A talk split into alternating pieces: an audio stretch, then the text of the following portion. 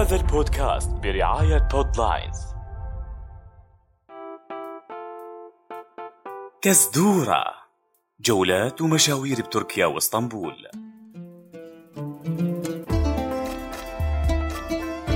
هذه الحلقة بالتعاون مع معرض اسطنبول الدولي للكتاب العربي.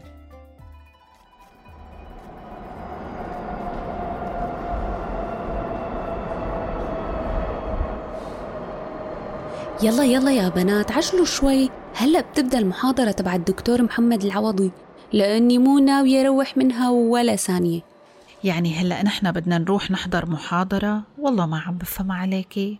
من شوي كنتي عم تقولي إنه رايحين على معرض الكتاب. لك إيه طولي بالك والله أخذتك على معرض الكتاب. اي ها لأنه أنا عاملة حسابي يعني اشتري كم كتاب.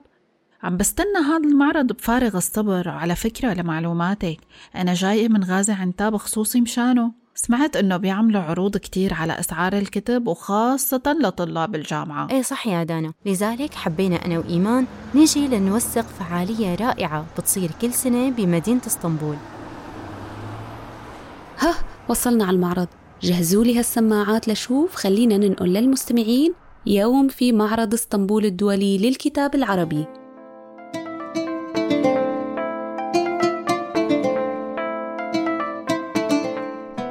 إنه السياحة بتكون أغلب الأوقات لزيارة الأماكن الأثرية أو الأماكن يلي فيها طبيعة وإطلالات حلوة. حبينا نسلط الضوء على السياحة الثقافية كمان.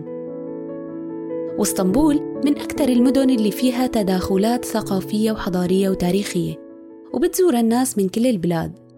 بلشت فكرة معرض الكتاب الدولي للكتاب العربي بسنة 2015 ووقتها كانت أول دورة لهالمعرض على أرض اسطنبول. بحضور جماهيري عربي. بس بعد النجاح الكبير اللي حققه الكتاب العربي بالمعرض على مدى ثلاث سنين وبعد الجهود الكبيرة والتنظيم الجبار قدر إنه يفرض حضوره بشكل قوي جدا. بالتأكيد والجميل إنه الدورة الخامسة من هالمعرض بال 2019 كانت تحت شعار الكتاب يجمعنا وفعلا تجسد الشعار على أرض الواقع. واجتمع كثير من الكتاب والمفكرين والقراء العرب والأتراك وغيرهم. وشكلوا أجمل صورة من الانسجام والتناغم الثقافي. إيمان شو رأيك تحكينا عن الأوقات يلي عم يكون فيها المعرض عادة؟ أكيد رخاء. المعرض عادة عم يكون ببداية العام الدراسي يعني بشهر أيلول أو تشرين الأول. والحضور عم يوصل للمئة ألف شخص تقريبا. وأما بالنسبة لدور النشر فسنة عن سنة عم يزداد العدد. وعم تكتر الدول المشاركة. فمثلا كان عدد الدور المشاركة بعام 2015 50 دار نشر فقط. أما المعرض اللي حيصير ب 2021 فرح يشارك فيه أكثر من 250 دار نشر. واللطيف إنه حتشارك دور نشر تهتم بنشر الكتب العربية رغم كونها غير عربية مثل أكديم ستور وهو موقع إلكتروني تركي بينشر الكتب باللغة العربية. وأكيد المكان مو عبارة عن معرض وأكشاك لبيع الكتب وبس لأنه الفعاليات الموجودة والندوات والمحاضرات بالإضافة للأسماء الكبيرة يلي عم تحضر المعرض واللقاءات المباشرة وكمان حفلات توقيع الكتب يلي عم يعملوها مع الجمهور عم تكون عامل جذب كبير لأقبال الزوار مثل شو هالفعاليات رخاء ومين من الشخصيات البارزة حضر سابقاً؟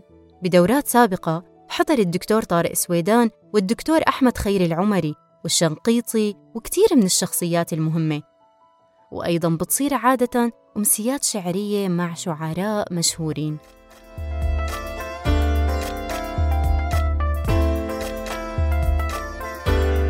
طيب رخا خلينا نحكي شوي عن المعرض الحالي اللي حيصير ب 2021 هاي السنة رح يشارك بالافتتاح شخصية بارزة جدا.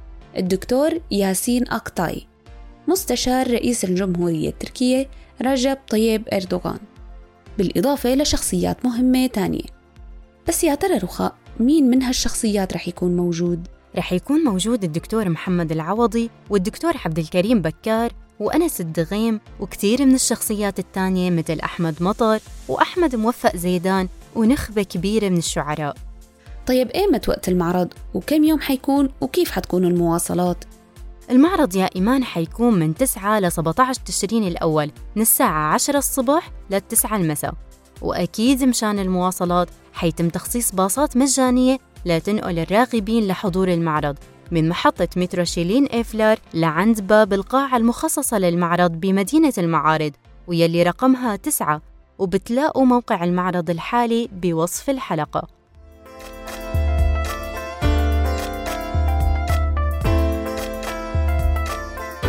طبعا أول ما تدخلوا على المعرض رح يكون المدخل مزين بمعرض مصغر للفن التشكيلي ورح يحضر كمان نخبة من الفنانين التشكيليين اللي اشتركوا بصنع لوحة فسي فسائية بانورامية رائعة وفخمة. تتناسب مع فخامة هذا الحدث الكبير. يا سلام والله شي بشهي الواحد يروح. وهلأ خلينا نحكي لكم عن الفعاليات يلي موجودة بأيام المعرض. أول شي تجول بين الأجنحة المخصصة لبيع الكتب ويلي مشارك فيها هالسنة أكثر من 250 دار نشر. وهلأ يا إيمان حتقلي لنا أمثلة عن هالدول المشاركة.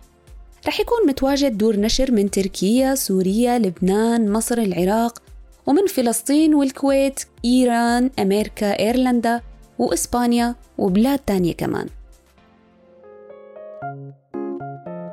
ومسؤول لجنة الأنشطة والفعاليات بإدارة المعرض صرح أنه هالسنة في كتير فعاليات وأنشطة ثقافية من محاضرات وندوات فكرية وبرامج ترفيهية للأطفال وورشات عمل لفن الإلقاء وكتابة القصة القصيرة كمان. حلو كتير والله. يعني حتى نحن كبودكاسترز فينا نستفيد من هالشي.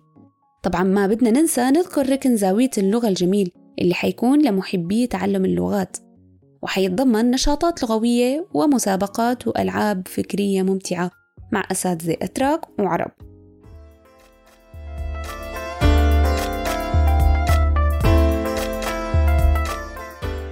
فعلا فعلا حتكون نشاطات ممتعة وفي خبر حصري معنا عن كتاب رح ينعرض بالمعرض عن جد؟ شو اسمه هالكتاب؟ هو كتاب مترجم بعنوان من الممكن الوصول إلى عالم أكثر عدلاً وهو للرئيس رجب طيب أردوغان. رح يحكي فيه عن سعي وتجارب تركيا لنشر العدل وتحقيق العدالة. جميل جدا. صرت متحمسة كتير للحصول على الكتاب. وحابة ألفت نظر لنقطة مهمة إنه هاي الفعالية مو بس وسيلة لتجمع القراء بل هي وسيلة لتجمع بين المؤلفين والناشرين اللي بيكون نتاج اجتماعهم أحد أسباب النهضة الفكرية بمجتمعنا. مية بالمية. وعم نلاحظ بالفترات الأخيرة اهتمام فئة كبيرة من الأتراك باللغة العربية لأسباب ثقافية أو دينية. وهذا كان أحد الدوافع المهمة لانطلاق وبداية معرض إسطنبول الدولي للكتاب العربي.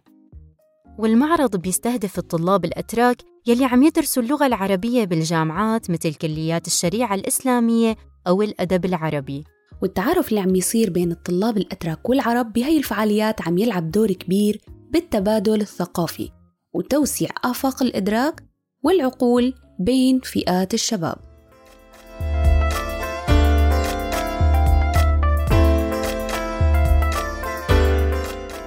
وطبعا للترفيه حيكون في ركن للرسومات والفن مثل ما ذكرنا وحيكون في كافيه بتقدروا تستريحوا فيه لترجعوا تكملوا جولتكم الجميلة بأرض هالمعرض.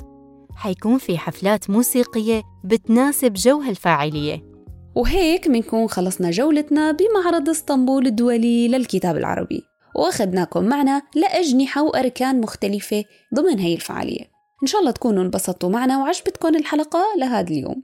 وبنتمنى أنكم تزوروا المعرض وتشاركونا بالتعليقات عن تجربتكم وشو أكثر الأركان يلي استفدتوا منها. وأنا كمان حابة أشكر كل مين تابع معنا حلقة كزدورة الماضية تبع برجة شاملجة وكل مين استمع لحلقتنا اليوم شكرا كتير لرسائلكم الحلوة. وانطرونا بكزدورة جديدة وبجولة جديدة من جولاتنا السياحية الكزدورية. وكات يلا وقفي لنا التسجيل رخاء. لك لا لا إيمان استني ما خلصنا. لا تنسوا تتابعونا على كل منصات البودكاست أبل بودكاست جوجل بودكاست. SoundCloud Spotify وأنغامي. هاي الحلقة من إعداد دعاء لبابيدي تقديمي أنا رخاء. وأنا إيمان. لا تنسوا تشاركوا الحلقة مع رفقاتكم وأهاليكم وكل مين حابب يزور تركيا. سلام. سلام. وهلأ فينا نقول cut. كزدورة جولات ومشاوير بتركيا واسطنبول.